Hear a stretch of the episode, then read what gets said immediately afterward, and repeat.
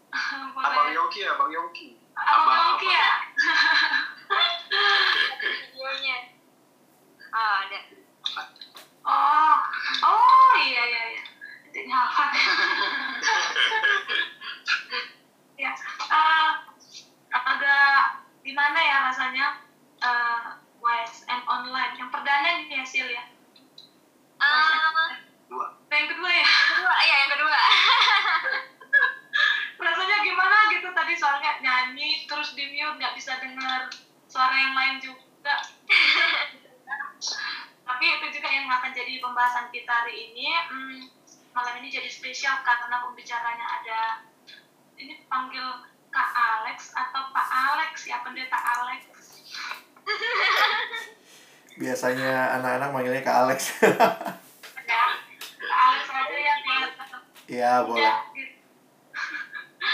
Oke, eh, kasus COVID ini udah berjalan sekitar 4, 4 bulan sejak yang pertama itu di Indonesia eh, tanggal 2 Maret ada kasus positif pertama di Indonesia. Nah, eh, gimana sih sikap-sikap kita? Kalau yang kita perhatikan sih di media sosial ada yang panik berlebihan dulu ya awalnya itu gimana sampai ada yang borong bahan makanan, timbun masker, bahkan yang apa itu naikin harga-harga yang gak masuk akal gitu. Ada juga yang manfaatin momen ini untuk jadi memproduksi berita-berita bohong juga.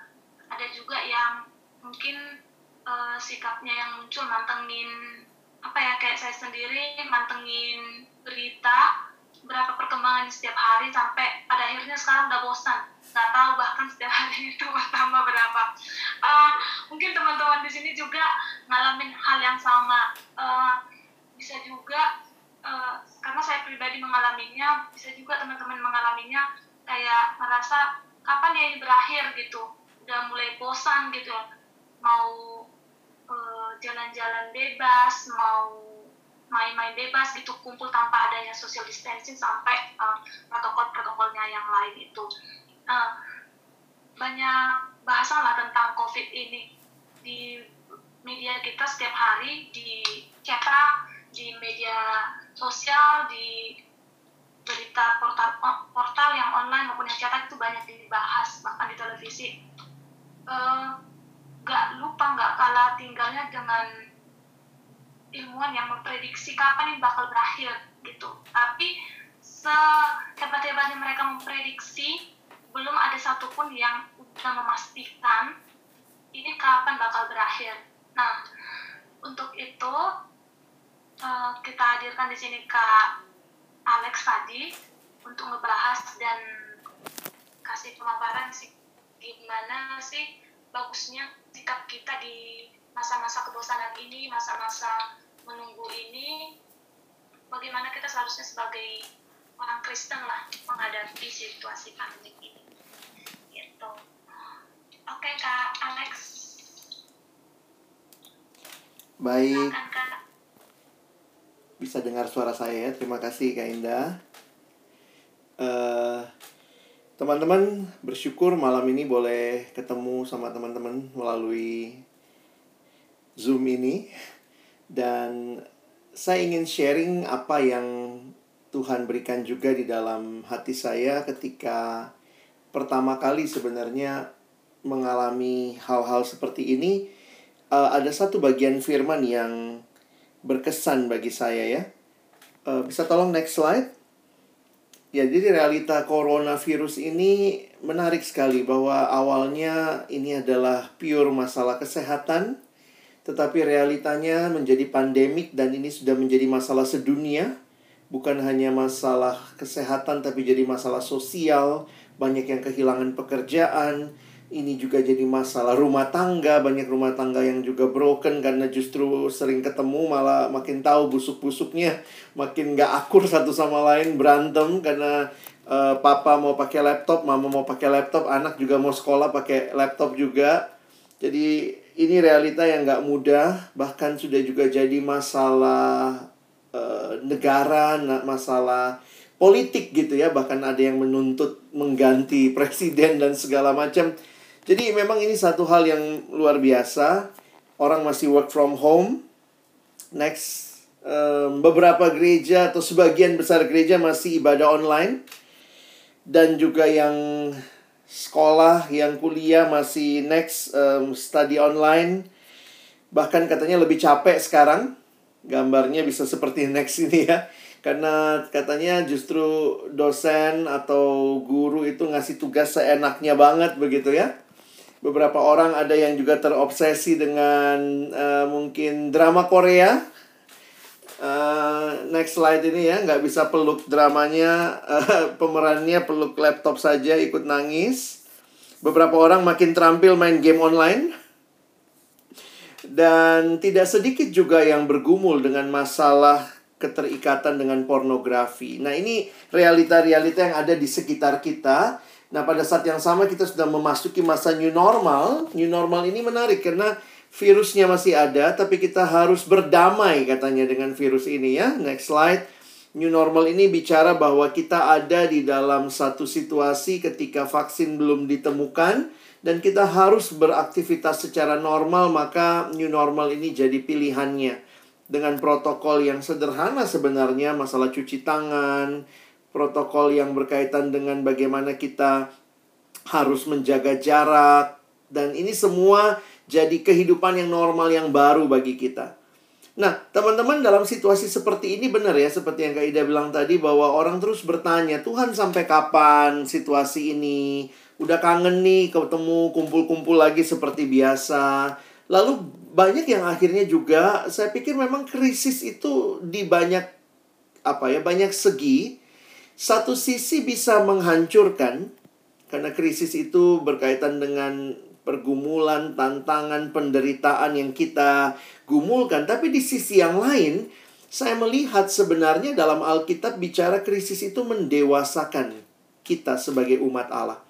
Krisis itu menolong kita justru men menyortir ulang hal-hal apa yang jadi prioritas dalam hidup kita saya beberapa waktu yang lalu ya masuk ke tempat kami naruh sepatu gitu ya.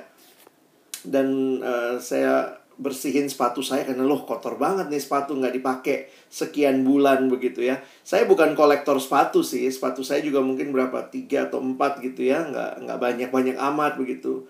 Tapi kemudian saya jadi sadar gitu ya iya ya punya sepatu banyak buat apa juga ya kalau tinggal di rumah ya jadi buat teman-teman yang doyan beli sepatu mungkin bisa disortir lagi gitu ya. Apa sih kebutuhan dasar yang sebenarnya kita butuhkan? Bukan berarti nggak boleh punya sepatu baru, tapi apa yang penting, apa yang sebenarnya jadi prioritas dalam hidup. Krisis menolong kita men me menyusun ulang prioritas kita. Krisis bisa menolong kita juga melihat kepada apa yang penting, apa yang utama dalam hidup. Nah, saya ingin mengangkat satu bagian firman Tuhan. Next slide. Teman-teman kita nggak akan PA mendalam malam ini ya. Karena saya pikir kita nanti coba lebih banyak discuss. Tapi kisah ini bagi saya jadi satu kisah yang terus menginspirasi sebenarnya dalam situasi pandemik seperti ini. Kalau teman-teman ingat, Markus pasal 4 ini, ini adalah kisah tentang Yesus bersama murid-muridnya di dalam perahu. Dan waktu itu Yesus tertidur dan murid-muridnya ada angin ribut pada waktu itu. Nah, kita lihat sebentar sama-sama ya. Kita nggak akan baca uh, seluruhnya dulu. Saya saya ajak kita baca mengikuti slide saya aja ya. Next slide. Kita mulai dari yang pertama. Pada hari itu, waktu hari sudah petang, Yesus berkata kepada mereka, "Marilah kita bertolak ke seberang." Nah, teman-teman mesti memperhatikan pada waktu itu Tuhan Yesus biasanya mengajar orang banyak dan dia biasanya mengajar dari atas perahu. Jadi menarik juga begitu ya. Nah, waktu itu Yesus biasanya untuk menghindari orang banyak, dia uh, bertolak begitu ke seberang, dia mendahului mereka ke sisi danau yang lain melalui perjalanan uh, danau ya. Next slide. Nah, Alkitab menuliskan mereka meninggalkan orang banyak itu lalu bertolak dan membawa Yesus beserta dengan mereka dalam perahu di mana Yesus telah duduk dan perahu-perahu lain juga menyertai dia. Nah, mungkin kalian teman-teman mikir emang perahunya segede apa sih ya? Nah, ini ada penggalian arkeologis. Next slide. Nah, perahu pada waktu itu juga lumayan besar ya. Itu bisa memuat kira-kira 15 laki-laki dewasa. Jadi, panjangnya kira-kira 8,1 meter, lebarnya itu kira-kira 2,3 meter dan tingginya itu kira-kira 1,4 meter. Ini adalah hasil penggalian arkeologis yang ditemukan dari uh, perahu nelayan di Galilea pada waktu itu, perahu-perahu yang umum. Nah, mari kita lanjutkan bacaan kita, ayat selanjutnya. Lalu mengamuklah taufan yang sangat dahsyat dan ombak menyembur masuk ke dalam perahu, sehingga perahu itu mulai penuh dengan air. Teman-teman, pada waktu itu, kalau kalian perhatikan mengapa taufan sering mengamuk di Danau Galilea, ini karena memang letak geografisnya. Menurut para uh, Orang-orang yang mengerti tentang geografis ini mengatakan bahwa letak Danau Galilea itu di bawah permukaan laut. Sehingga memang tekanan yang begitu rupa menimbulkan sering kali angin, taufan, atau badai terjadi. Nah, mari lihat ayat selanjutnya. Pada waktu itu Yesus sedang tidur di buritan, di sebuah tilam. Maka murid-muridnya membangunkan dia dan berkata kepadanya, Guru, Engkau tidak peduli kalau kita binasa? Nah, teman-teman, ini menarik ya. Kalau tema kita malam ini silence gitu ya, Tuhan kok diem gitu, kok nggak ada jawaban, kok nggak jelas gitu ya. Di sini bahkan Yesusnya tidur begitu ya. Ada yang mengatakan apakah ini menunjukkan Yesus nggak peduli, cuek banget gitu, atau mungkin dia sangat letih. Tapi bagi saya tidak ada yang kebetulan Seorang penafsir mengatakan kalimat yang menarik. Sebenarnya, dengan Yesus tidur itu mau menunjukkan kepada murid sikap yang seharusnya di tengah-tengah situasi pergumulan badai kehidupan. Maksudnya, kenapa Yesus bisa tidur dengan tenang? Karena dia percaya kepada Bapa yang memelihara. Ya, saya pikir itu tafsiran yang menarik juga waktu saya mencoba merenungkan karena apa kalau kita mau beri penjelasan kenapa Yesus tidur? Memang dia capek, oke, okay, sisi yang lain apakah memang dia diam? Tapi realita yang lain bahwa Yesus tidur menunjukkan bahwa sikap yang dimiliki seorang yang punya kepercayaan penuh kepada yang memiliki kehidupan. Teman-teman, kalau kita punya pergumulan, sering kali kesulitannya adalah susah tidur. Ada juga sih yang gara-gara pergumulan tidur mulu begitu ya. Tapi umumnya orang akan sulit tidur. Dan ketika Yesus bisa tertidur di tengah-tengah situasi seperti itu ini menunjukkan bahwa ada ketenangan yang dia miliki. Orang bisa insomnia itu sebenarnya bukan masalah orang nggak bisa tidur itu masalah pikiran biasanya jadi kalau banyak pikiran makanya kalau mau tidur biasanya tenangkan dulu gitu ya. Jangan sambil mau tidur mau mau lagi tutup mata gitu merem tapi kita mikir aduh besok gimana ya? Itu itu malah jadi nggak bisa tidur begitu ya. It's more a state of mind rather than just about physical things. Jadi kalimat yang menarik adalah perhatikan pertanyaan para murid. Nah, mungkin juga ini jadi pertanyaan kita. Teman-teman, memang dalam situasi kehidupan, dalam badai kehidupan yang muncul itu banyak pertanyaan. Salah satunya pertanyaan ini. Guru, engkau tidak peduli kalau kita binasa. Ini pertanyaan apa? Ini pertanyaan dari murid-murid yang merasa Yesus ini nggak peduli sama mereka. Mungkin juga kalau teman-teman dan saya mengalami pergumulan yang luar biasa, yang berat, beberapa orang kehilangan orang yang dikasihi dalam suasana pandemi seperti ini. Saya baru kehilangan papa saya, walaupun bukan karena COVID ya, papa sudah cukup tua dan kemudian uh, Tuhan memberi kesempatan dia untuk uh, hidup dengan dimensianya selama empat tahun dan dia kembali kepada Tuhan kira-kira dua minggu yang lalu. Nah, realitas seperti itu nggak mudah ya di tengah-tengah situasi seperti ini. Bahkan saya lihat ada teman saya juga yang kehilangan orang tuanya dan itu karena COVID sehingga tidak bisa mengikuti pemakaman. Maka mungkin sekali muncul pertanyaan seperti ini. Tuhan, kok Tuhan nggak peduli sama pergumulan hidup kami? Kenapa saya harus mengalami seperti ini? Jadi realita kehidupan mungkin mungkin membuat kita bertanya.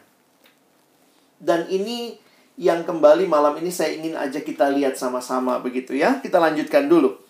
Um, next, um, ini cuman gambaran aja ya. murid murid-murid dalam terjemahan sederhana Indonesia mengatakan, Guru, kenapa engkau tidak peduli? Sebentar lagi kita akan binasa tenggelam dan seterusnya. Next slide. Ia pun bangun menghardik angin itu dan berkata kepada danau itu, "Diam, tenanglah." Lalu angin itu reda dan danau itu menjadi teduh sekali. Next.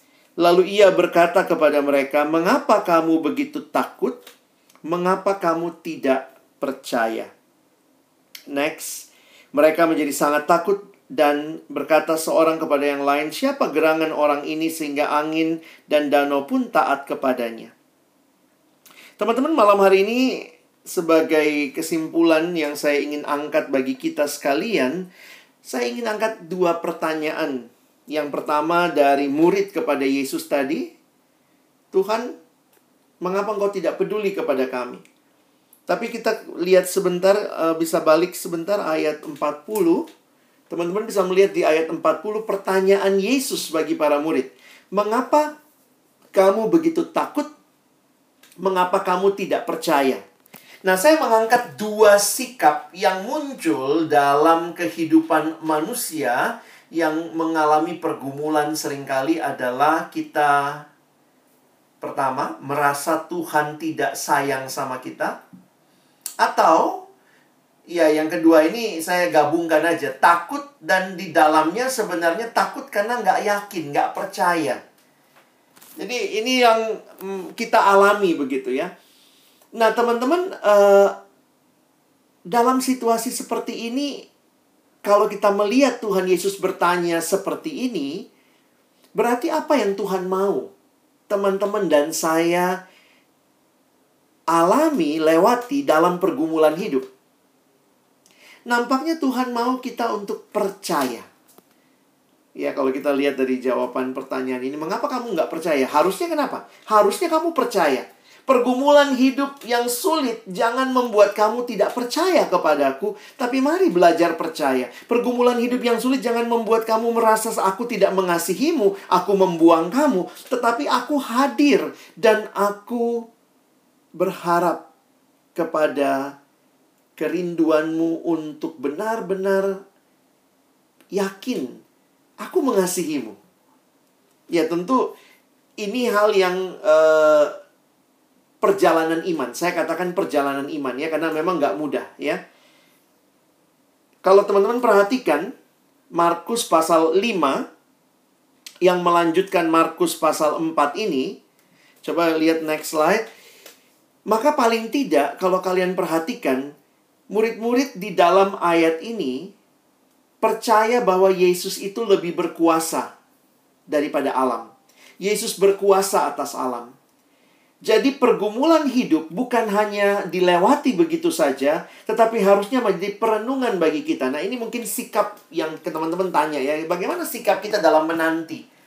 Maka ketika teman-teman dan saya menanti, maka mari memaknai setiap situasi itu di dalam ketenangan, dan kembali melihat Allah, kembali percaya kepada Allah. Paling tidak ketika murid-murid sudah selesai dengan peristiwa angin ribut ini, memang dikasih tahu di ayat 41, mereka menjadi sangat takut dan berkata seorang kepada yang lain, siapa gerangan orang ini sehingga angin dan danau pun taat kepadanya. Tapi ketakjuban mereka bahwa Yesus lebih berkuasa atas daripada alam. Lalu nanti teman-teman lihat next slide. Mereka pergi ke seberang, lalu kemudian itu Yesus ketemu dengan orang yang kerasukan roh jahat dari Gerasa. Apa yang murid-murid pelajari lewat peristiwa itu? Oh, Yesus mereka, Yesus yang kita sembah, lebih berkuasa daripada setan. Selanjutnya lagi, lihat peristiwa perempuan yang sakit pendarahan 12 tahun. Paling tidak murid-murid percaya bahwa Yesus itu lebih berkuasa dari penyakit. Dan nextnya lagi kalau teman-teman lihat, makanya Markus pasal 4 dan 5 ini, ketika Yesus membangkitkan anak Yairus, bahwa Yesus berkuasa atas kematian. Teman-teman, penantian dalam situasi yang sulit harusnya bagi kita orang percaya adalah penantian yang dimaknai dengan semakin mengenal siapa Yesus. Penantian yang semakin percaya siapa Yesus penantian yang semakin yakin bahwa dia tidak meninggalkan kita. Nah, ini yang harusnya kita maknai bersama. Karena itu perenungan uh, apa ya? Saya pikir itu bukan hal klise gitu ya, baca Alkitab, doa, tapi situasi-situasi yang sulit dalam kehidupan biarlah kita terus bergantung kepada Allah dan memaknai setiap peristiwa yang kita lalui dari kacamata perspektifnya Allah.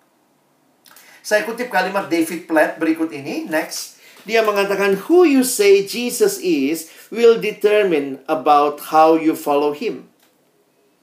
Jadi pertanyaannya yang penting buat kita yang melewati pandemi ini teman-teman adalah pertanyaan berikut. Next slide.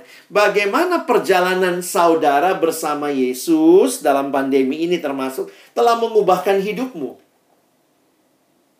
Ketika awal Maret Siapa Yesus yang makin nyata buatmu? Ketika memasuki awal April, awal Mei, awal Juni, besok udah awal Juli, siapa Yesus bagimu? Apa yang makin engkau yakini, yang kau nikmati, yang kau imani tentang Yesus? Jadi, next slide. Our journey in life is a journey of knowing God more. Ketika Yesus bertanya itu kepada para, murid, mengapa kamu tidak percaya? Saya selalu jadi terngiang, kenapa kamu nggak percaya? Berarti angin ribut itu adalah cara yang Tuhan pakai supaya mereka makin percaya. Memang sih nggak enak angin ributnya gitu ya. Lalu berikutnya, roh jahat itu kan situasi nggak enak dikuasai roh jahat. Tapi waktu murid-murid melewati itu, mereka diminta untuk siapa Yesus yang kamu percaya? Jadi teman-teman, uh, situasi yang ada tidak membuat kita hancur, tetapi biarlah kita makin dibangun untuk melihat dan memandang kepada Allah, karena memang cuma Dialah sumber pengharapan kita. Saya pikir itu bukan hal klise juga, teman-teman. Itu realita hidup. Kita nggak punya penolong lain, hanya Yesus. Nah, dia, Yesus yang kita percaya, bukan Yesus yang menjanjikan hidup tanpa masalah. Tuhan Yesus gak pernah janji hidup tanpa badai, hidup tanpa angin ribut. Tapi dia menjanjikan kehadirannya di tengah badai. Makanya ada kalimat yang menarik. Jesus save us not from the problem. But Jesus save us. Atau Jesus calm us in the problem. Berarti problemnya tetap ada. Dan dia hadir bersama kita di dalam situasi itu. Memang nggak gampang jadi orang percaya. Saya bikin status tadi pagi gitu ya. Next slide. Salah satu kesulitan besar bagi kita sebagai orang percaya adalah untuk sungguh-sungguh percaya. Unik ya, orang Kristen dibilang orang percaya, believer. But the most difficult thing, one of the most difficult thing for us is to believe. Percaya bahwa Allah tahu dan sanggup memberikan yang terbaik yang kita butuhkan. Kadang-kadang kita merasa kita yang lebih tahu dan saya pikir ini bukan kejatuhan yang baru. Sejak Taman Eden pun manusia selalu merasa dia lebih pintar dari Allah. Kalau saya jadi Allah, saya berhentiin pandemi ini. Somehow kita merasa we are more capable to be God than God. Jadi mungkin kalau kita boleh protes, Tuhan turun, turun tahta. Saya mau gantian jadi Tuhan, nggak beres banget sih ngurus dunia, begitu ya. But the way we we apa ya we respond to God saya pikir itu akan menunjukkan sebenarnya siapa sih yang kita yakini dia Dia Tuhan yang seperti apa buat kita? Beberapa kali saya mimpin acara ibadah anak SMA. Biasalah ibadah persiapan ujian nasional. Jadi kalau mau ujian nasional aja ibadah begitu ya. Dan dalam ibadah itu biasanya mereka bilang gini ya, eh, saya pernah nanya ya sama mereka. Kalau kalian lulus ujian nasional, Tuhan baik? Itu semua jawab, baik. Kalau kalian tidak lulus ujian nasional, Tuhan baik? Uh, the, langsung bingung jawabnya ya. Realitanya, sering kali kita merasa Tuhan jadi baik atau jadi tidak baik, tergantung pengalaman hidup kita. Loh, siapa yang Tuhan? Saya, saya belajar mengerti bahwa meskipun realita hidup yang saya alami tidak baik menurut saya, tapi dia tetap Allah yang baik. Jadi ini kan cara pandang ya. Jadi dalam situasi seperti ini saya jadi banyak merenung ya, apalagi dengan misalnya orang tua yang sakit sampai akhirnya meninggal. Saya merasa Tuhan, engkau baik. Itu itu doktrin yang saya pegang. Tuhan, engkau baik. Tapi saya sedang mengalami situasi yang tidak enak, tidak baik menurut saya. Kalau begitu, pertanyaannya bukanlah saya mengatakan engkau tidak baik. Saya pikir bukan demikian. Engkau baik, saya ngalamin situasi yang tidak enak. Maka pertanyaan yang saya tanyakan, saya mengubah pertanyaan, saya ganti pertanyaan. Bukannya, Tuhan kenapa saya ngalami ini? Tapi, Tuhan, engkau mau mengajarkan apa melalui peristiwa ini bagi saya? Jadi somehow bukannya tidak bertanya teman-teman ya. In your silence, maybe you are not nggak bisa kita bilang saya nggak mau nanya sama sekali dia Tuhan biarlah dia tetap Tuhan dalam realita kita masih bergumul. Tapi mungkin pergumulan ini saya ingin um, suggest buat kita ganti pertanyaanmu. Bukan pertanyaan yang mencurigai Allah. Tuhan kayaknya nggak baik sama aku nih. Masa aku ngalamin begini? Tapi belajarlah percaya eh, Tuhan engkau tetap Allah yang baik. Apa yang kau mau aku pelajari dalam situasi seperti ini? Sebagai slide penutup Uh, pernah lihat tulisan ini? Harap tenang ada ujian. Dulu kalau baca ini ya, uh, biasanya kan di sekolahan gitu ya, di depan sekolah. Um, cuman kayak slogan biasa. Tapi di dalam masa pandemi ini jadi kayak punya dua makna ya. Uh, emang orang itu bisa ngerjain soal kalau tenang ya, kalau lagi ujian bisa ngerjain soal kalau tenang. Dan saya pikir ya ini sikap yang harusnya teman-teman dan saya alami. Dan Yesus menunjukkan itu dengan bisa tidur. Itu ya sangat tenang. Jadi situasi ribut di luar tidak menggoyahkan kita karena kita punya ketenangan di dalam Tuhan. Pengharapan kita hanya dalam Tuhan. Bukan bukan karena tidak ada masalah, tapi karena Dia hadir dalam hidup kita. Perhatikan ayat berikut. 1 Petrus 4 ayat 7 mengatakan kesudahan segala sesuatu sudah dekat. Karena itu kuasailah dirimu dan jadilah tenang.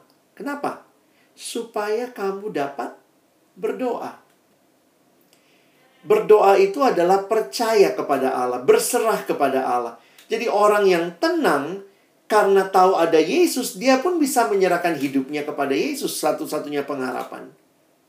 Tapi bukan berarti kita bertindak sembrono ya.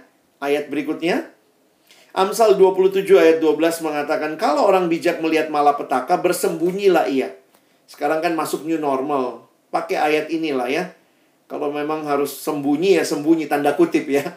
Jangan kemudian datang ke kerumunan, oh saya anak Tuhan, saya percaya gitu ya. Tetapi orang yang tak berpengalaman berjalan terus lalu kena celaka. Jadi dua sikap yang saya pikir perlu kita kembangkan, dua karakter adalah, next slide satu sisi tenang supaya bisa berdoa, ini menunjukkan tindakan iman kita. Tapi di sisi lain bertindaklah dengan penuh hikmat, jangan gegabah. Baca situasi. Kayak tadi ya, Kak Ida cerita, dengar, walaupun kita mulai bosan nih ya. Tapi waktu lihat, mesti mikir nih, gereja bener mau buka. Kalau mau buka, lihat nih, angka masih tinggi nih. Jangan-jangan di gereja nanti jadi klaster baru. Beberapa gereja menunda membuka, beberapa membuka dengan protokol yang sangat kuat. Saya pikir ya jangan saling menghakimi. Silahkan yang merasa sudah sanggup, sudah siap buka, silahkan buka. Tapi ketika dibuka pun ada jemaat yang tidak mau datang ke gereja masih takut, kita nggak bisa bilang apa-apa. Itu adalah realita yang uh, mungkin dia sudah senior, sudah cukup tua, dan tidak berani datang ke gereja, kita harus memaklumi. Karena itu saya melihat gereja tetap harus menyediakan ibadah online Walaupun nanti offline sudah ada, mungkin untuk mereka yang tidak akan sanggup ke gereja atau beresiko datang ke gereja sebelum vaksin ditemukan, kita harus menyediakan mungkin ibadah online bagi mereka. Next slide. Jadi dengan hikmat ya, nah menarik saya dapat uh, kutipan ini. Sometimes God calms the storms. Other times he calms the sailor. And sometimes he make us swim. Jadi nanti dengan hikmat ya, siapa tahu Tuhan bilang ayo uh, apa cemplung gitu ya. Nah, uh, satu lagi nih. Just because I didn't answer your prayer your way, ini kata Jonathan Evans ya. Dia dia mengutip kalau Tuhan ya, just because I didn't answer your prayer your way doesn't mean that I haven't already answered your prayer anyway.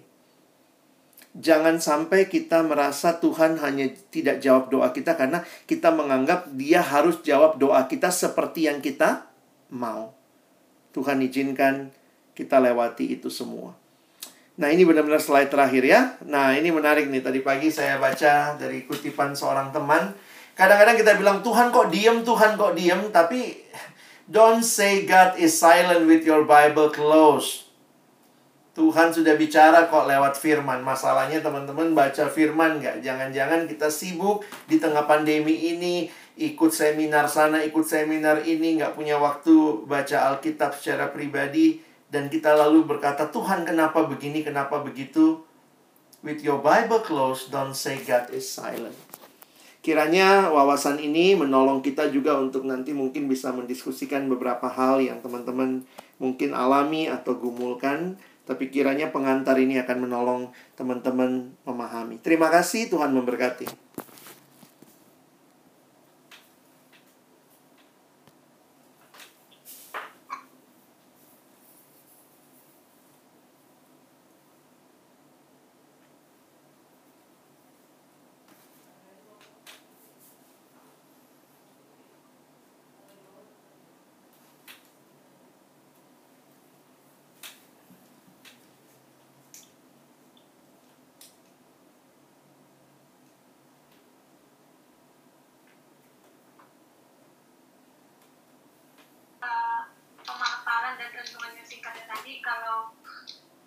Bisa simpulkan dari pemaparan Kak Alex tadi, yang pertama bahwa coronavirus ini awalnya memang tentang masalah kesehatan, tapi pada akhirnya jadi berdampak ke semua lini kehidupan kita, gak hanya kesehatan, tapi juga pendidikan, rumah tangga, politik, ekonomi dan banyak hal gitu. Tapi eh, adanya coronavirus ini bisa menjadi bagian dari perjalanan iman kita gak hanya menjadi perenungan aja, tapi bagian dari perjalanan iman kita bagaimana kita kembali terus kayak uh, menyadari kembali bahwa hanya kepada Allah kita percaya dan bisa makin mengenal siapa ya Allah yang kita sembah itu sendiri. Uh, dan itu sebenarnya bukan barang baru lagi, udah uh, dari dulu itu ada uh, dalam Alkitab kita juga udah dinyatakan seperti itu. Uh, biarlah juga masalah coronavirus ini dengan adanya tantangan new normal ini uh, yang mengakibatkan krisis, tapi bagi anak-anak Tuhan itu uh, justru yang akan menolong kita untuk tetap punya iman terhadap Tuhan yang kita sembah. Aja. Uh, kita bakal buka sesi tanya jawab kan? Boleh kak. Atau gimana sih alurnya? Kembali ke sisi lagi deh.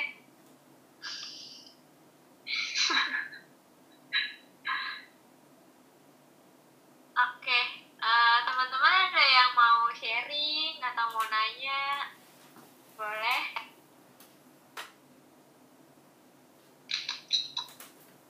yang mau nanya mumpung ada Kak Alex di sini.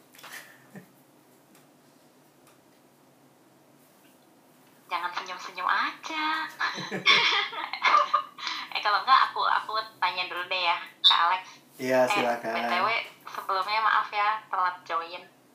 Aku mau tanya aja kan aku nggak tahu sini nyambung apa kagak tapi kayak mesti nyambung sih sebenarnya mau ini sih mau minta tips aja kak Alex Hmm. gimana ya kalau ada kayak kebanyakan kan sekarang orang tua ya banyakan yang stay at home gitu kan Hmm. dalam masa penantian kayak gini mereka istilahnya nggak bisa ke mana-mana gitu.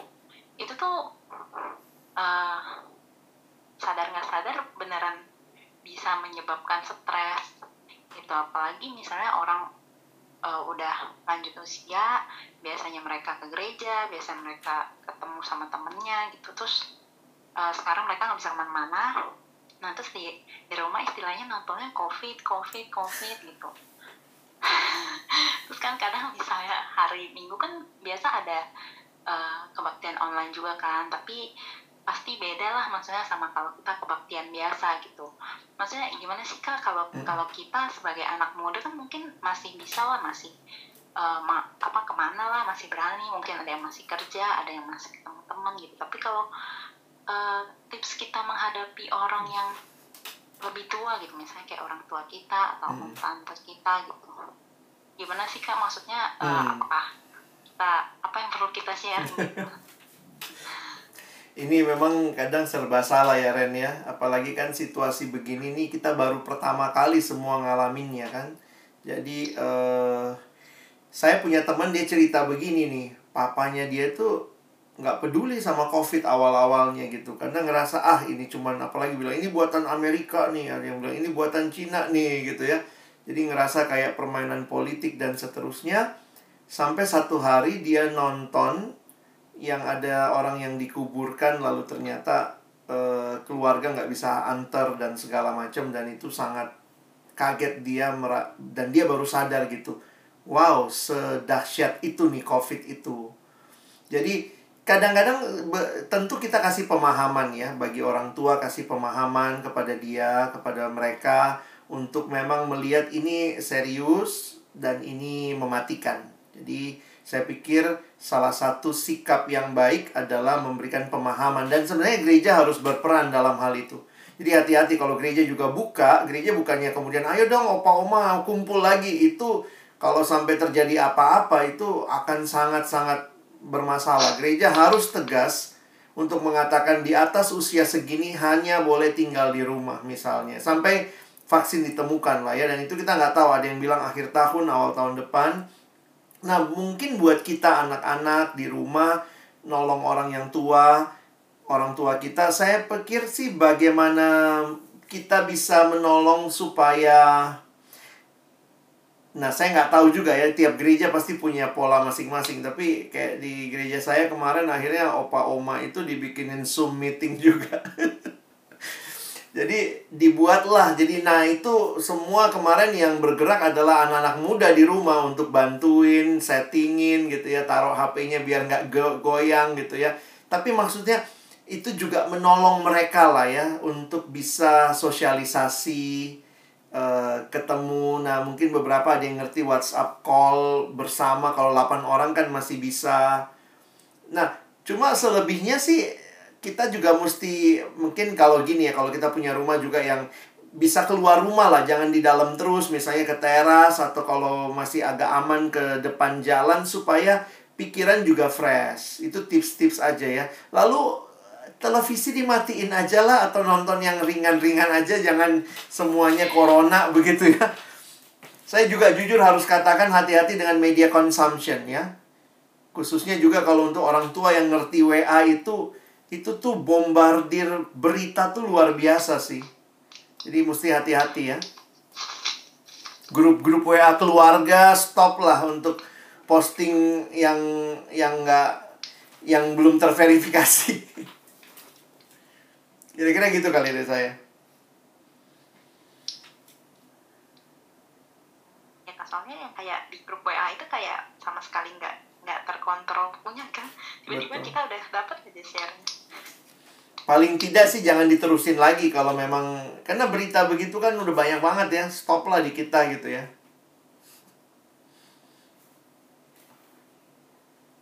Coba banyak share berita pengharapan, mungkin kutipan-kutipan yang bermakna. Saya pikir itu juga cara.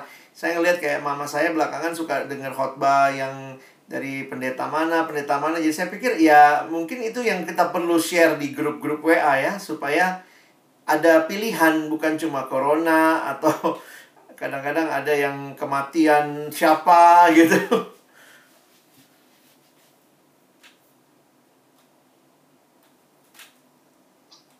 Iren masalah tuh Sil kayaknya. Dia freeze. Suaranya masih bisa kan? Suaranya masih bisa tapi gambarnya. Maaf ya koneksinya. Oh iya. Iya soalnya kan Iya, iya, iya sih, cukup sih. Tapi ya bingung sih maksudnya kadang kan kayak orang muda kebablasan, orang yang tua ketakutan gitu loh. Jadi kayak Mm. Dua-duanya berkontradiksi, susah gitu. Benar sih maksudnya kayak zoom meeting gitu kayak boleh dicoba. Satu sisi juga gini kali ya, ini ini menolong aja buat teman-teman jangan jangan semuanya. Ah, tapi sorry ya, saya nggak tahu gereja teman-teman, tapi eh jangan hanya puas juga sama ibadah online ya. Kalau mungkin di tengah minggu kita bisa bikin ibadah altar keluarga, family altar sih bagus juga ya. Itu menolong lah misalnya mungkin kita cari renungan yang singkat bisa dibaca. Jadi nggak mesti ada satu yang khotbah. Ba- baca aja renungan yang singkat. Karena saya ngelihat kalau kita hanya ibadah online itu kan kita terpaku nonton sesuatu. Tapi di antara kitanya nggak ada komunikasi padahal satu rumah. Makanya mungkin di situ eh, saya terbiasa juga karena ini ya saya tiap minggu tuh dapat dapat liturgi dari gereja saya modif lagi gitu. Jadi saya nggak pernah ibadah online nih. Saya jujur aja selama sekian bulan saya ibadahnya sama keluarga saya bikin liturgi. Jadi kita kumpul di meja semua mama saya baca apa kakak saya baca apa nanti kami nyanyi lagu apa. Nah poinnya sih itu menolong supaya juga ada komunikasi di antara kita di dalam rumah begitu.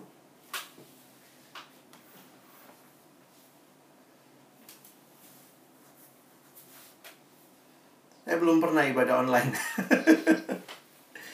Oh iya kak?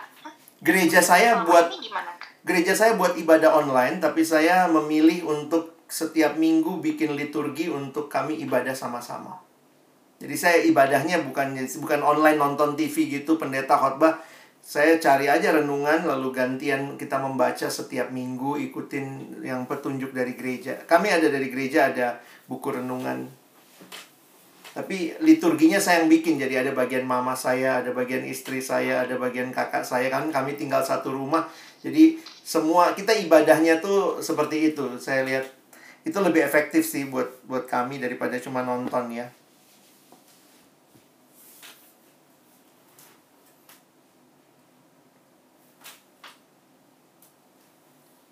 Iya. Iya, Oh, lagi. terus lagi. Mana nih Chris? Iya udah cukup sih, thank you kak Alex. Sama-sama Ren. Oke. Thank you Iren pertanyaannya. Dari teman-teman yang lain ada lagi yang mau sharing atau nanya?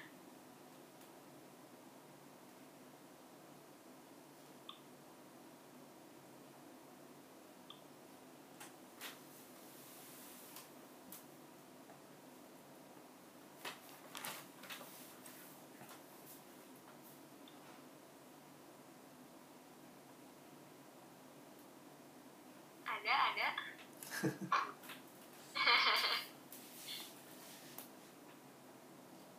Kak, aku mau nanya deh. Ya, silakan Bernard. Iya kak, Eh, ya kan maksudnya kita udah pakai online nih udah cukup lama lah ya kayak Iya. kalau misalnya dari gereja aku sendiri. Nah ini eh, nggak tahu sih ini aku, aku doang atau gimana, cuman kayak kadang tuh aku suka ngerasa apa ya kurang benar-benar ikutin ibadah gitu jadinya kak kalau misalkan ibadah online. Jadi kayak mungkin kadang dikit-dikit lihat handphone, kalau ada dikit lihat lagi, nengok lagi gitu. Nah maksudnya ada eh, ada nggak sih kak gimana maksudnya entah itu tips kah atau maksudnya persiapan yang lebih lagi kah untuk untuk kita bisa persiapin diri untuk bahkan online gitu kak di saat-saat kayak gini gitu sih kak Thank you. Um, nggak nggak mudah, nggak mudah memang nge-switch pikiran kita. Pertama pikiran dulu ya, nge-switch pikiran. Kalau kita selama ini kan nonton YouTube ngapain? Nonton YouTube untuk fun. hiburan kan Iya. tiba-tiba jadi kebaktian gitu itu gimana itu nge-switch pikirannya memang nggak mudah tapi kan itu realitanya lalu yang kedua mungkin ya belajar untuk mengkhususkan waktu itu untuk tidak buka yang lain walaupun itu sulit tapi mesti dicoba ini buat teman-teman apalagi yang kebaktian online-nya sendiri gitu ya. Kamu pakai headset sendiri nonton sendiri itu ada notif masuk aja udah kayak rasanya ah gitu. Nggak dibuka kayaknya berdosa gitu ya. Tapi mesti coba apa ya eh, makanya di beberapa kebaktian online gereja saya lihat itu memang diminta ikutin liturginya. Kalau disuruh baca walaupun kita di rumah dari YouTube baca disuruh nyanyi nyanyi. Berdiri kalau perlu berdiri begitu. Jadi sebenarnya itu semua adalah sikap-sikap yang bisa menolong kita menghayati ini sedang ibadah. Tapi sebagaimana ya kalau ibadah offline mungkin eh, gangguannya apa? Panas ada yang berisik di belakang kita atau mungkin AC lagi mati atau apa. Nah sama seperti ibadah offline ada gangguannya, ibadah online pun ada gangguannya. Nah, kita mesti waspada. Misalnya eh, masalah notif ya, kalau memang perlu dimatikan dulu sementara. Jadi benar-benar selesaikan ibadah dulu baru kemudian melakukan hal yang lain. Termasuk misalnya juga mandi-mandilah gitu ya. Saya biasakan walaupun nggak ke mana-mana mandi gitu loh. Jangan pagi-pagi tuh kaum rebahan ada yang nggak mandi berapa minggu misalnya gitu itu termasuk juga menolong lah ya tips-tips menolong kita menyadari ini lagi ibadah ini sedang melakukan ibadah gitu Oke, thank you kak. mesti diperjuangkan itu Iya, mandi Ben mandi selalu mandi satu. Nah, kira tadi paling kenceng ketawanya deh. jangan gitu dong Iren udah masuk kerja jadi pasti mandi dia mandi dong Kak, mau nanya nih kak. ya silakan ya Eh, Iya. aku aku ya eh, ini kak aku kan tadi kan eh, telat join nih cuma maksudnya kan udah baca sekilas tentang kayak ini kan pembahasannya terus kayak selama ini kan orang kan kayak ketidakpastian gitu loh kak maksudnya kalau di rumah aku kan kayak semuanya itu kerjanya kan sekarang udah mulai lagi drop nih kak. Terus habis itu di kantor juga ada isu-isu kalau misalnya ada akan ada pemotongan gaji gitu. Bahkan ya udah ada yang di PHK satu gitu kan. Terus habis itu sekarang isunya lagi kenceng lagi nih berhembus kalau akan dipotong gajinya 50% gitu.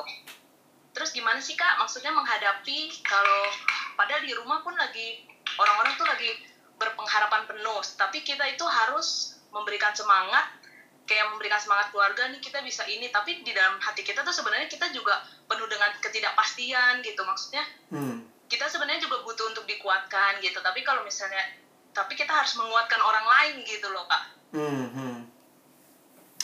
Iya memang nggak nggak mudah ya. Kalau jujur aja saya harus katakan ini situasi yang nggak mudah. Maksudnya karena kita baru pertama kali ngalamin ini semua jadi masalah semua orang kalau misalnya kayak gue putus pacar putus cinta itu kan masalah pribadi ya nggak pandemi ya nggak seluruh dunia putus cinta.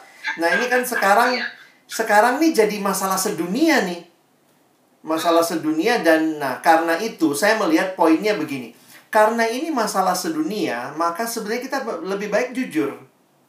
Jadi maksudnya gini kasih tahulah kepada keluarga saya juga lagi butuh dihibur. Karena apa? Ini masalah sedunia jadi poinnya kalau yang saya lihat di Alkitab sebenarnya memberikan kita teladan yang menarik tidak mengatakan tidak ada masalah jadi jangan membohongi diri. Nggak ada masalah, nggak ada masalah. Oh, dalam Tuhan semua beres. Nggak bisa. Kita harus jujur bahwa Tuhan aku capek. Tuhan aku lagi letih. Tuhan aku lagi kesel.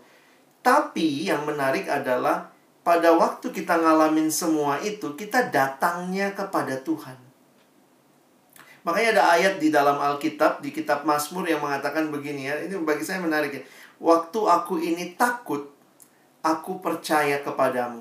Jadi pemazmur bukan mengatakan aku nggak pernah takut, enggak, aku takut, tapi aku percaya kepadamu. Nah, saya pikir itu sikap yang bisa kita teladani. Kita tidak membohongi diri, kita jujur bahwa kita juga punya pergumulan dan kita bawa kepada Tuhan. Nah, makanya saya sekali lagi mengingatkan bagus juga ya gereja satu waktu bikin liturgi yang dipakai oleh keluarga di mana semua kita ngaku dosa sama-sama sebagai keluarga. Jadi bu bukan cuma nonton online ya. Kalau online mungkin setiap hari Minggu maka usahakan dalam setiap uh, se seminggu sekali mungkin ada family altar di mana kita bisa bicara. Saya lagi takut nih, ini kondisi kantor seperti ini. Yang satu bilang, lalu kita bawa dalam doa sama-sama Mungkin ada liturgi-liturgi seperti itu yang harusnya gereja siapkan dalam situasi seperti ini supaya uh, kita nggak melihat ini cuma masalah satu orang, tapi ini masalah sedunia kok gitu. Ya, ya mungkin gitu kali ya. Saya saya juga bingung dalam situasi begini. Uh, mari jujur lah untuk untuk bersandar kepada Tuhan, tapi juga jujur untuk Eh, kita butuh. Makanya kalau teman-teman punya komunitas di gereja tetap jalan ya KTB KTB atau kelompok kecil gitu ya. Usahakan karena itu support grupmu. Usahakan seminggu sekali ketemu doa gitu sama-sama. Ya ya gitu sih kak. Aduh. Enggak maksudnya kan kayak ngeri hmm. gitu kan. Terus kayak apa nih maksudnya niatnya kan mau nolong juga gitu. Cuma yeah. ya iya nggak bisa juga karena kan isunya kan lagi begini gitu iya. sedangkan di rumah pun harus tetap jalan semuanya gitu. Coba ya e, memberi pengharapan kepada sebenarnya pengen diberi pengharapan tapi harus memberi pengharapan kepada orang juga agak ya di situasi seperti ini agak sulit gitu juga sih kak. Kayaknya memang mesti ya itu. Makanya mungkin mungkin ya uh, kayak bukan mungkin lah harusnya gitu. Kita jadi sadar memang bukan kita pengharapannya Jadi kita membawa orang lain berharap pada Yesus. Karena kita bukan kita yang ngasih dia pengharapan, tapi kita mengingatkan dia. Gua juga lagi nggak bisa berpengharapan nih, atau gue pun lagi bergumul dengan pengharapan. Tapi gue percaya sama Yesus. Yuk, lu percaya sama Yesus juga. Jadi mungkin uh, tugas yang um, ini panggilnya siapa ya? Ini Amel. ya. Uh, Chelsea, Chelsea. Chelsea, oh jauh banget ya. Iya. tugasnya Amel, Chelsea. Amel ya. Tugasnya Amel bukan bukan memberi pengharapan dari Amel kepada mereka tapi memperkenalkan mereka kepada Yesus yang sumber pengharapan. Yang mana kamu juga sedang bergumul dan berpengharapan sama Yesus. Akan jauh lebih akan jauh lebih realistis seperti itu daripada kamu menumpukan semua. Harus kamu yang memberi pengharapan padahal juga realitanya kamu sendiri butuh kekuatan gitu thank you kak. Chelsea puas Chelsea. Waduh. Chelsea. Ini kayak gini-gini nih di, di kantor lagi drop gitu kan maksudnya kan terus butuh-butuh sebenarnya butuh orang ya. orang-orang yang ini sih maksudnya bisa mendengarkan gitu betul, loh. Betul, Karena banyak juga sih kak gitu di kantor tuh yang di PHK udah hampir 8 orang gitu kan terus mereka juga pada stres juga. Terus kalau di kantor kan kalau hmm. ngobrol sesama teman juga sama-sama stres jadinya. Orang-orang stres semua. Nah, itu ya, ketawa aja deh gitu. di di balik yang di PHK jangan lupa loh ada keluarganya ada anaknya ada mm -hmm. yang dia mesti tanggung. Waduh itu bukan cuma 8 orang kan yang kena dampak ya. Iya makanya kayak ya udahlah gitu. Maksudnya kalaupun dipotong ya bersyukur karena masih iya, masih punya kerjaan. di PHK gitu. Masih iya. ada yang diharapin tiap bulan walaupun memang nilainya nggak nggak sesuai yang selama ini gitu. Betul. Lagi belajar untuk bersyukur ya dengan seadanya gitu sih kak. Benar benar. Nah realita begini nggak mudah nih karena bener-bener belum pernah kita alami ya. Jadi waktu kita alami juga nolong orang Nah, gereja juga misalnya menolong, gereja sanggupnya menolong berapa banyak? Siapa yang benar-benar terdampak gitu kan? Itu jadi pertanyaan penting juga buat gereja awal-awalnya beberapa gereja tuh bagi-bagi sembako, semua dibagi. Belakangan udah susah bagi sembako karena juga iya. bingung kan? Jadi makanya saya bilang gereja kadang-kadang terlalu reaktif dalam beberapa hal. Nah, situasi seperti ini membuat kita harus ya kita punya data, kita saling memperhatikan gitu. Karena kita nggak tahu ini, ini bisa jadi masih masih panjang ini. Bisa jadi ya saya patokannya dari kampus. Saya patokannya maaf kata karena ketika tanggal 2 Maret diumumkan, saya pikir itu patokan yang menarik. Kampus UI sebagai standar di Indonesia langsung meliburkan mahasiswanya sampai akhir semester Juni. Jadi saya pikir loh, dia kok langsung baca mahasiswa disuruh pulang kampung semua padahal itu baru dua dua pasien dua orang gitu ya langsung diliburkan satu semester. Nah sekarang sudah diperpanjang sampai akhir tahun. Jadi diperkirakan baru masuk offline tahun depan. Nah saya nggak tahu nih orang-orang pinter ini berpikirnya apa. Berarti kan mahasiswa masih akan belajar model begini. Berarti yang kerja juga masih akan terdampak nih. Mungkin ada beberapa yang harus uh, kurangi pegawai potong insentif. Nah itu um, gereja harus melihat itu juga gitu ya sebagai maksudnya gereja kalau saya bicara gereja bukan berarti majelisnya bukan berarti pendetanya tapi teman-teman dalam komisi pemuda sebagai pemuda harus care sama satu sama lain. Mesti belajar terbuka kalau udah ada yang aduh gue udah susah nih hidupnya nih. Maka ada tindakan nggak usah segereja nolongin tapi pemuda dulu misalnya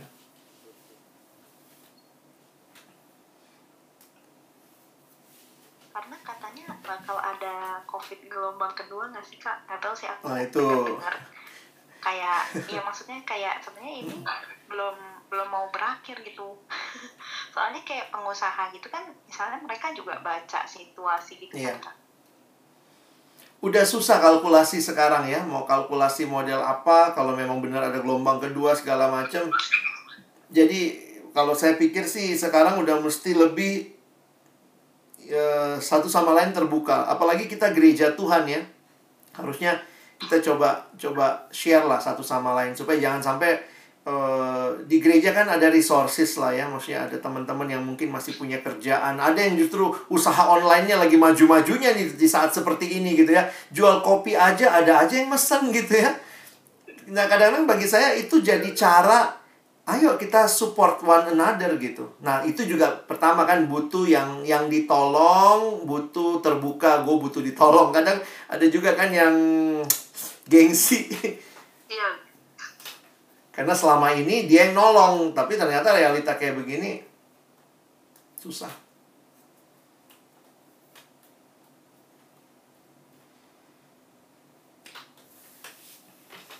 Mungkin ada lagi yang teman-teman yang mau share kali.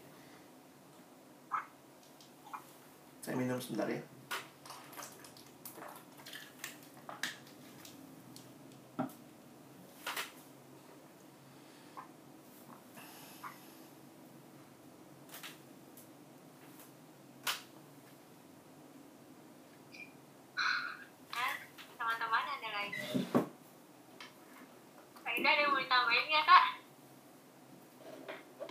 pasangan nih enak banget berdua berduaan sama yang pasangannya LDRan aja nggak boleh kak PSBB kak PSBB PSBB social distancing kak nggak boleh berdua pasang foto.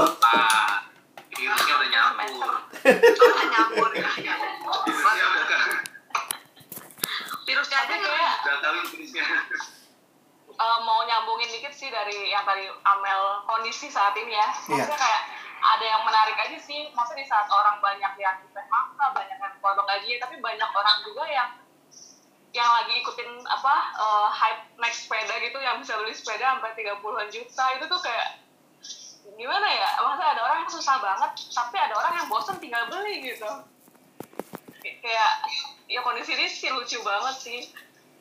Maksudnya mungkin ya tiap orang mungkin ada hobi ya. Tapi jadi semua orang maksudnya rame banget di jalanan naik sepeda. Yang sekarang harga sepeda udah melambung tinggi gitu. Ya, tapi ada orang yang makan aja tuh susah gitu. Jadi sedih aja ya. Iya maksudnya wow.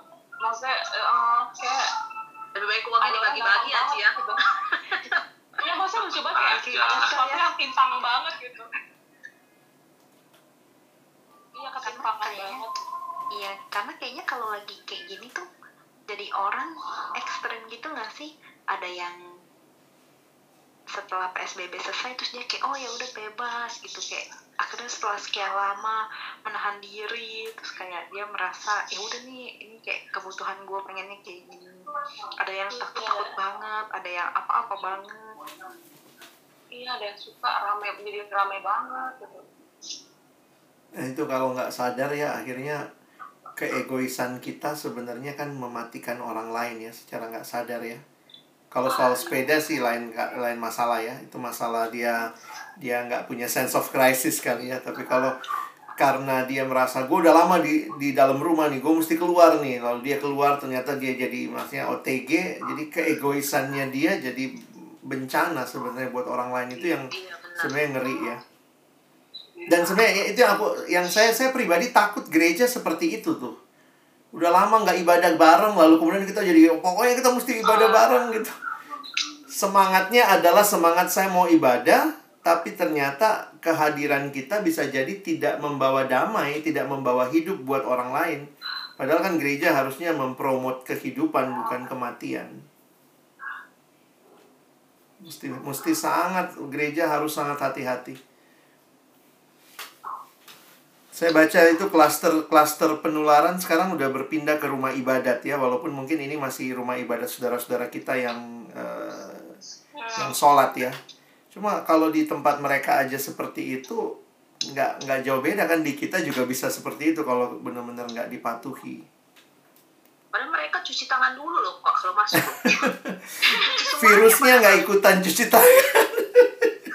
Karena kan harus cuci tangan kan mereka cuci semua tapi benar Iya. masih ada yang ini ya. Memang pakai sabun kali Mel nggak pakai sabun Kau kali tahu sih? Gue pernah Oh iya, masuk pakai sabun. Mel. Nah tapi emang keawarean itu kayaknya udah mulai lewat sih kak. Tadi kan aku kan sempet ke apa Central Park sebentar kan karena Hmm. ganti kartu gitu kan. Itu tuh udah mulai rame banget orang gitu. Terus Oh. aku nggak ngerti sih maksudnya mereka tujuannya apa gitu ke sana gitu. Terus ada yang sambil belanja, udah sambil neteng-neteng apa kantong plastik gitu. Terus aku tuh jadi bingung sendiri. Aku buru-buru gitu kan karena takut ketemu orang dan segala macam Iya. tapi mereka bisa dengan asik sendiri gitu makan santai ngantri cat time ngantri itu terus bawa bawa belanjaan nggak ngerti sih kak maksudnya apa mereka kalau dibilang bosan kita pun sebenarnya bosan gitu Iya, kak iya. tapi uh, iya balik lagi kayak gitu kayak egoisan diri sendiri itu memang entah satu untuk sosmed entah satu memang untuk dipandang atau gimana aduh gue selfie dulu nih gue udah mulai kecepin nih gue ternyata nggak ada apa-apa gitu nggak ngerti sih maksudnya ngebilangin orang-orang yang seperti itu tuh gimana gitu loh kayak di Yang kantor aku juga TikTok, gitu. Mel. Ya termasuk TikTok itu gue nggak ngerti Iya.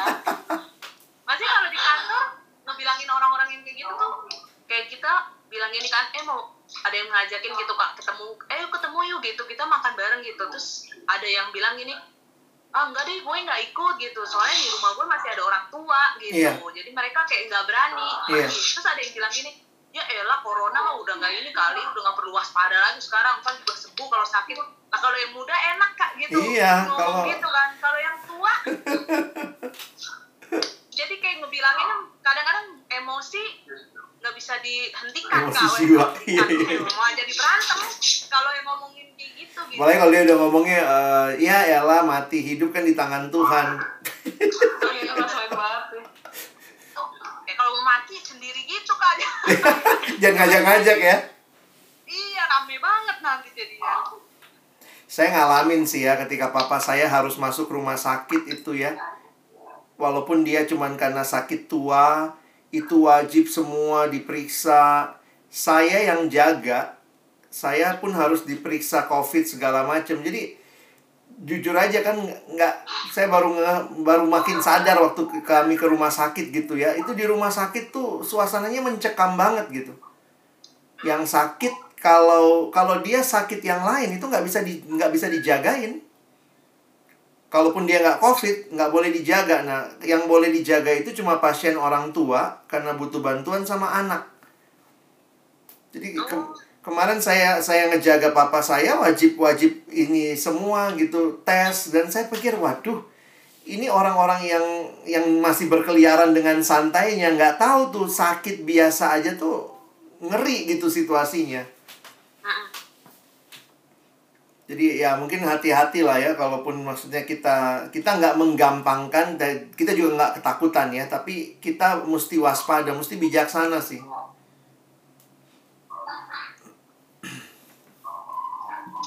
Ibadah di di Kavling Poli sudah dimulai?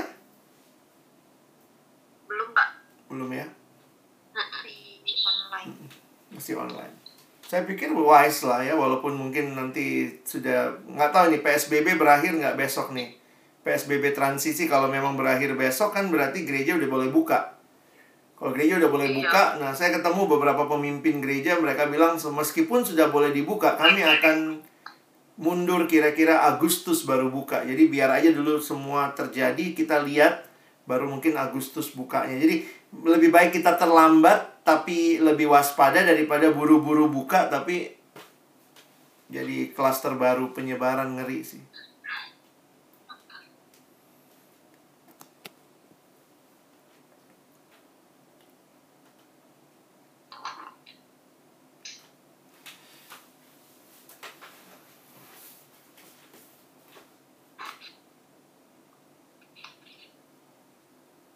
ada lagi Malam. selamat malam ibu Malam. apa kabar Iya, aku baik. Eh, aku cuma mau tadi lagi mendengarkan ya, Iya. terus mendengar cerita dari sisi eh, pegawai yang dikurangin. Atau, Iya. Tapi kemarin aku sempat dengar pada saat ulang tahun HUT PGI ke-70 ya, iya. Eh, cukup bagus waktu saya sempat share kayaknya di GP ya, eh, di Big Hug ya kalau nggak salah ya tak ya, atau aku sempat share. Nah di situ kalau didengarkan dengan kondisi seperti ini cukup baik bahwa PGI akhirnya melakukan satu kegiatan oikumene yang mereka namakan oikonomik ya, di situ mereka saling membantu dalam Hmm. arti akhirnya menyadari. Karena komunitas yang punya eh, hubungan relasi itu ternyata adalah PGI dibandingkan saudara-saudara kita yang lain ya. Nah di dalam PGI itu ternyata banyak kegiatan jadi mereka bisa membaca eh, setiap gereja dengan eh, ada GKI, ada GKY, ada macam-macam gereja, ternyata mulai membaca daerah gereja dia menghasilkan apa Hmm. atau membutuhkan apa gitu. Hmm. Jadi itu yang eh, amat sama PGI ah, dicoba untuk disatukan. Jadi misalnya di wortel dengan wortel bagus di Sumatera Utara dari petani harga 9.000 tapi dijual di Jakarta itu sekilo 25.000 gitu ya. Terus eh, ternyata eh, kalaupun eh, dihitung itu kenaikan dan keuntungan untuk angkut Hmm. besar sekali itu bisa melebihi 14.000. Hmm. Jadi PGI mau mencoba mengumpulkan hasil yang ada untuk bisa dibarter antar daerah. Wow. Kebetulan saya juga eh, eh, memegang hmm, perusahaan travel.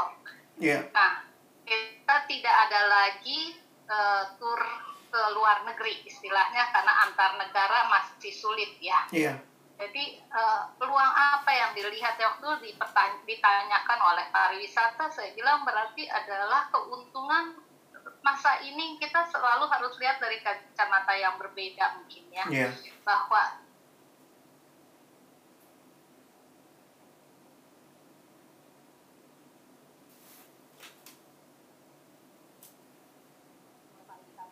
ini adalah di Indonesia sejak zaman Jokowi memegang kendali. Nah, inilah saatnya di mana kita bisa menjual daerah-daerah apa yang mau kita jual tingkatkan. Jadi maksudnya bisa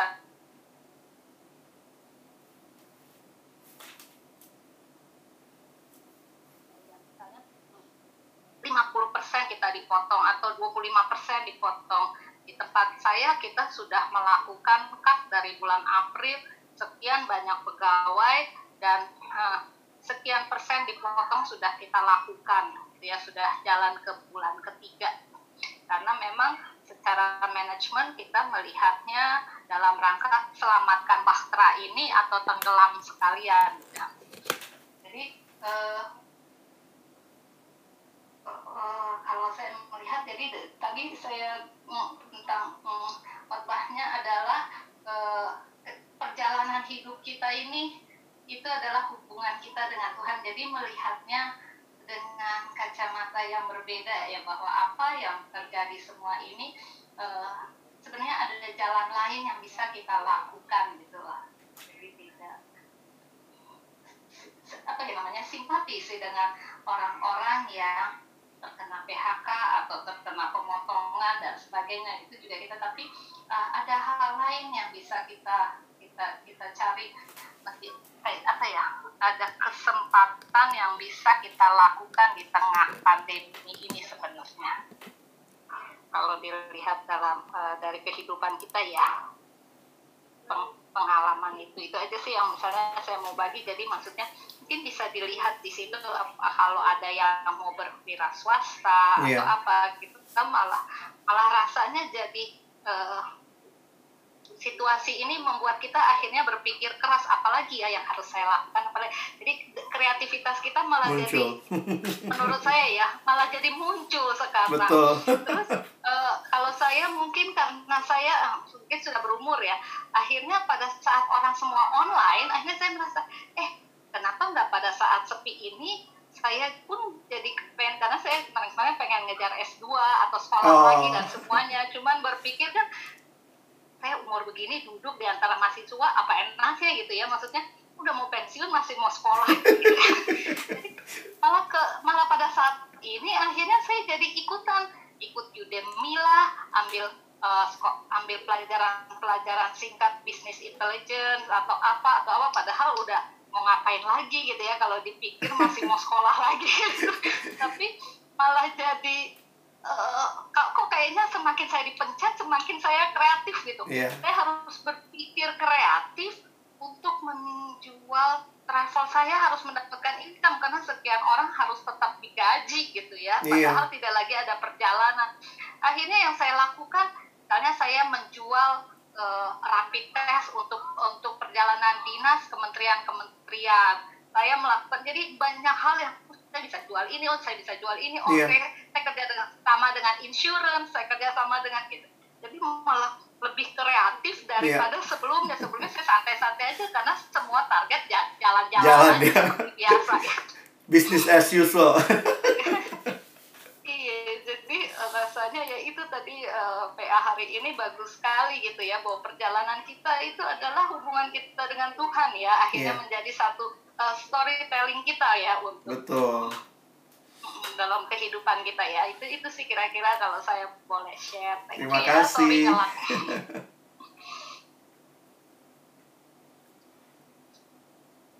Thank you Tante Jone sharingnya. Oke, teman-teman masih ada lagi yang mau sharing atau nanya?